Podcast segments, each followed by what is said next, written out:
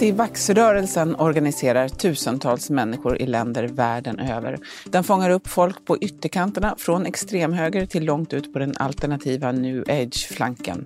Hur kommer det sig? Välkommen till Studio DN. Jag heter Sanna Thorén Björling.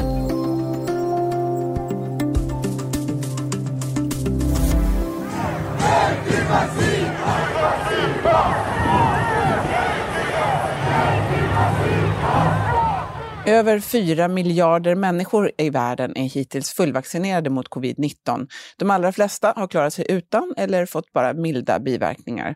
Och de har istället utvecklat ett skydd mot svår sjukdom. Men alla är inte övertygade om vaccinets förträfflighet. Och som vi hörde här i en ljudupptagning från en demonstration i Stockholm den 22 januari.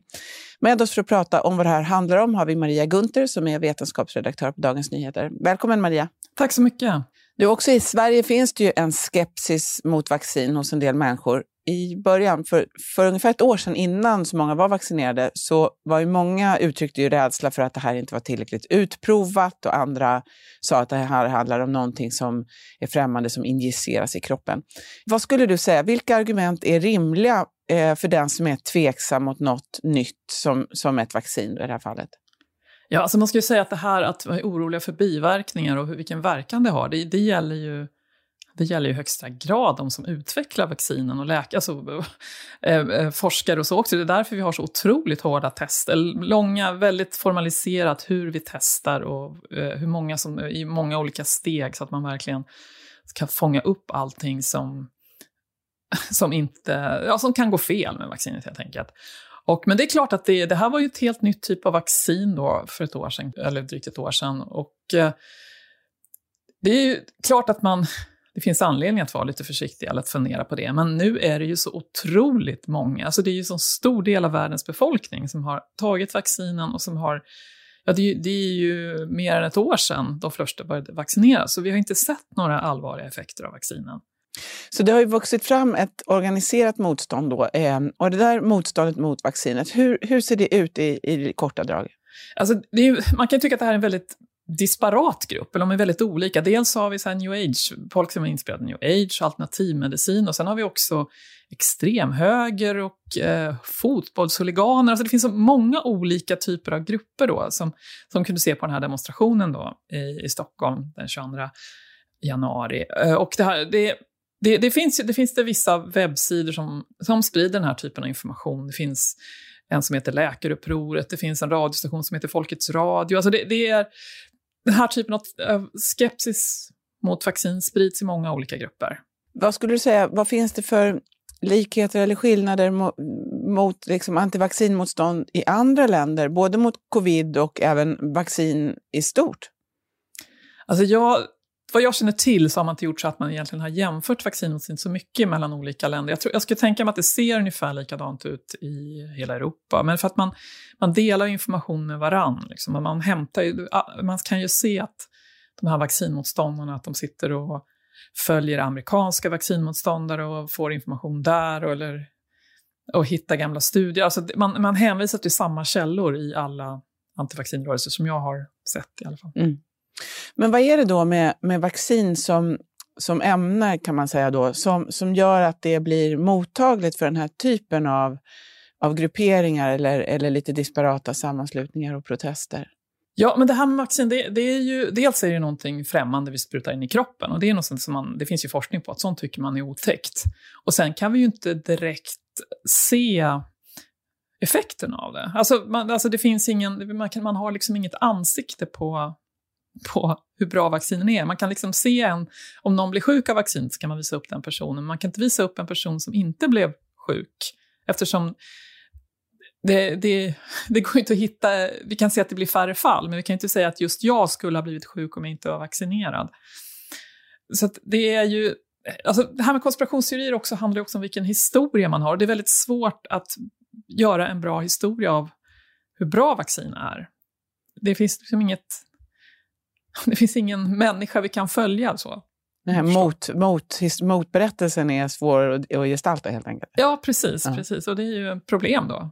Ja. Men det är ju intressant hur det förenar människor då från, från ytterkanterna. Hur kommer det där sig? Vad har de gemensamt? Ja, alltså, jag har intervjuat en forskare som heter Ester Pollack Sarnecki som har, som har studerat det här. Hon tycker inte alls att det är så konstigt som vi andra tycker, eller som jag tyckte innan. För att det här är, det, det är samma, även om man, liksom, man jämför en new age-are eller en, eh, någon som, en alternativmedicinare med en högernationalist, så för mig är de ju väldigt olika personer. Men det, handlar, det är samma typer av berättelser som sedan länge sprids i de här grupperna. Liksom att, att man blir lurad, att det finns, eh, alltså man har idéer om renhet och att eh, ekologi och liksom också och det här idén om att staten och media och den etablerade forskningen lurar en. Alltså det, det, det är också en sån här idé som går igenom allihop, att det finns sanningar som, som man får söka på andra ställen i, än i etablerade medier, i etablerad forskning och så. Det handlar ju då ändå om förhållandevis då få människor, men eh, forskare som du har talat med, som nämner eh, Hanna Pollack som menar att man inte ska ta för lätt på det här i alla fall. Eh, varför inte det? Vad är det som är farligt? Ja, det, det hon har studerat då, det är ju hur såna här idéer, både historiskt och nu, har liksom, de, de leder till eh, politiskt våld. Alltså vi, har sett vi har sett exempel på det redan. Det var en, ja, några exempel, det var en yrkesofficer i Belgien som våren förra året, han, liksom, han stal vapen från, från sin förläggning och riktade dödshot mot den ledande virologen i i Belgien och sen tror jag att han begick självmord själv. Men, och sen så det är också en, i Tyskland så krossade man en grupp som, som planerade att döda delstats, delstatspresidenten för att han hade uttalat stöd för vaccin. Så det, det, alltså det sprids såna här idéer och just det här att man, man tror att det finns någon slags ond elit som ligger bakom det här som man vill komma åt. Så att i de här lite större rörelserna så är det enskilda individer då som, som kan, där det går dem åt huvudet helt enkelt och så tar de till våld? Ja, och det kan, vara, det kan ju vara att man triggar varandra. Alltså det behöver inte vara enskilda individer, det kan verkligen leda till, till våld. Mm. Vi ska ta en liten paus och strax prata mer om antivaxrörelsen och andra konspirationsteorier.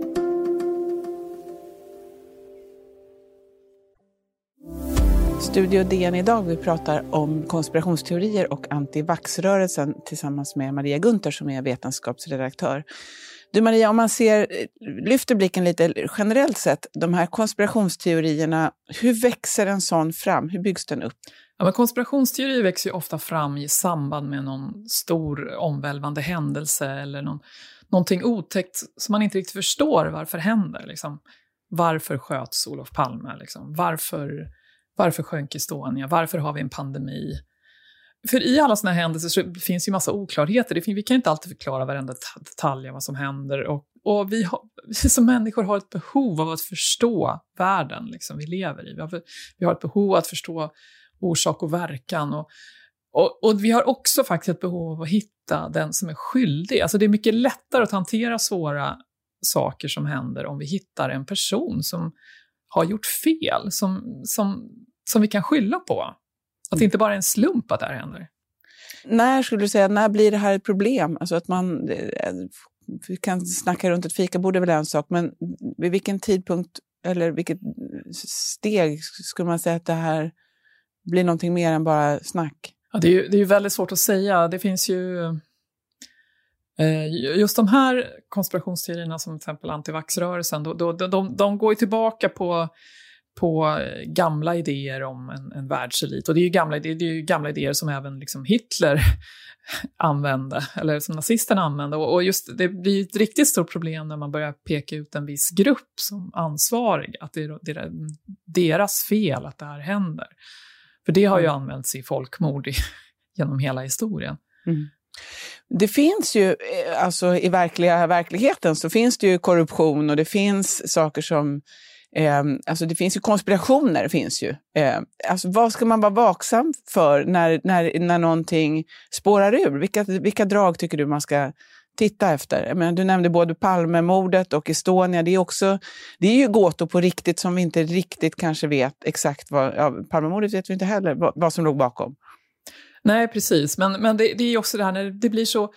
Alltså, konspirationsteorierna innehåller ofta den här idén om att det är liksom en väldigt Alltså de är så, det är liksom som bondskurkar bakom. Liksom. Det, är, det är en stor elit som sitter och mörkar och som sitter och orkestrerar allting. Att liksom, det finns inga utrymme för någon slump eller Alltså det, det, är, det är någon som har planerat det här sedan länge. Alltså det, finns ju, det finns ju nu, om man pratar om corona, så finns det ju konspirationsteorier om att hela coronapandemin var planerad för att eh, vi skulle få de här vaccinen som skulle förslava människor och, och, och, och, så att eliten, den här eliten då kan, kan få makten över oss.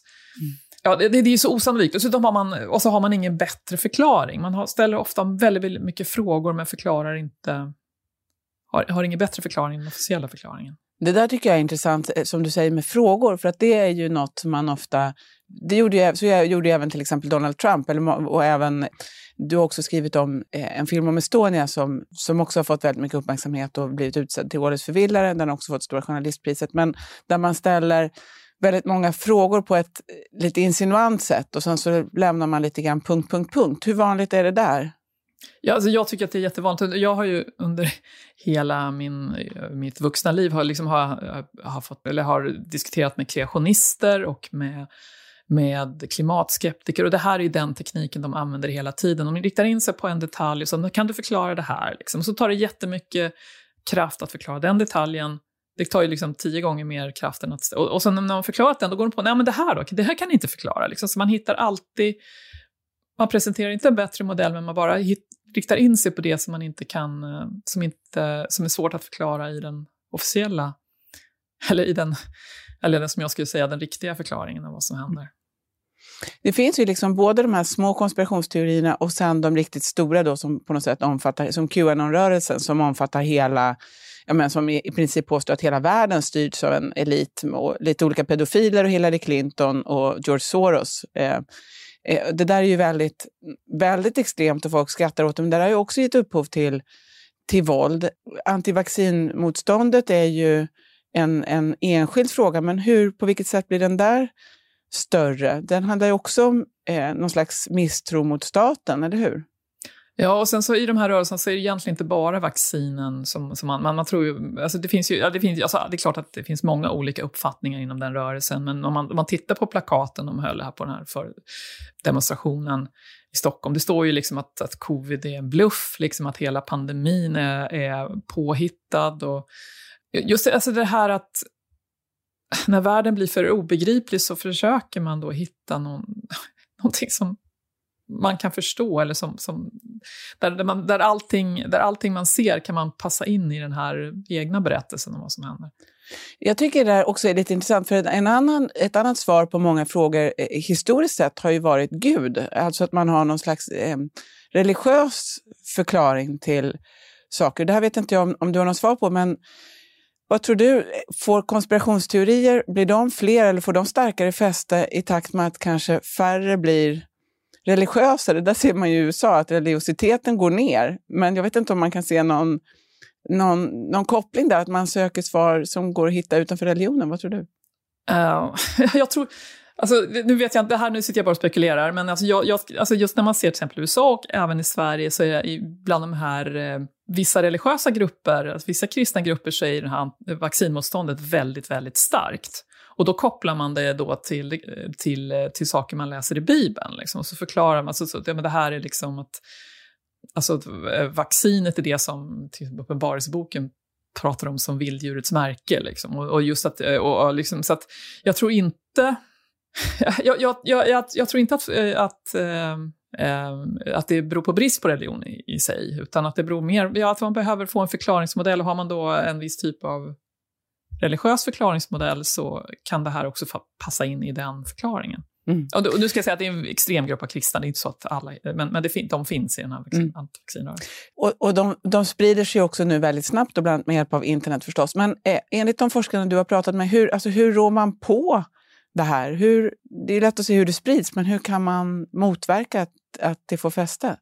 Ja, alltså det är ju svårt och omdiskuterat. Men, men eh, som en av forskarna jag pratade med, hon, alltså det är ju de här eh, som är riktigt, riktigt övertygade.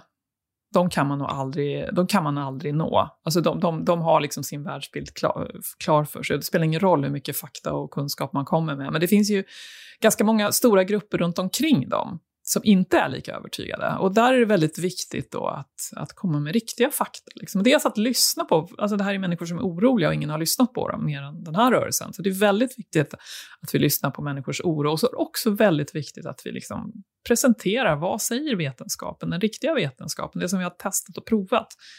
Att man liksom kommer med fakta och kunskap och presenterar det. Mm. Så att det finns ett alternativ till den här förklaringen. Så vad tror du då avslutningsvis, Maria, kommer vi att få se mer eller mindre av det här? Vad tror du om man blickar framåt lite? Ja, jag är lite pessimistisk där. Jag tror att, det här, att vi kommer få se mer av det här. Men jag tror också att vi kommer få se motrörelser mm. som motverkar det. Som vetenskapsredaktör har, ju då, eh, har du ett uppdrag att, att förklara hur det verkligen ligger till. Precis. Det har vi alla journalister kan vi säga. Stort tack för att du var med idag. Tack så mycket. Om du vill kontakta oss så går det bra att mejla till studiodn Kom ihåg också att prenumerera på Studio DN där du lyssnar på poddar så missar du inga avsnitt. Ljudklippen i dagens avsnitt kom från SVT och Aftonbladet. Studio DN görs för Podplay av producent Sabina Marmelaka, ljudtekniker Patrik Miesenberger och teknik Jonas Lindskog, Bauer Media. Jag heter Sanna Thorén Björling.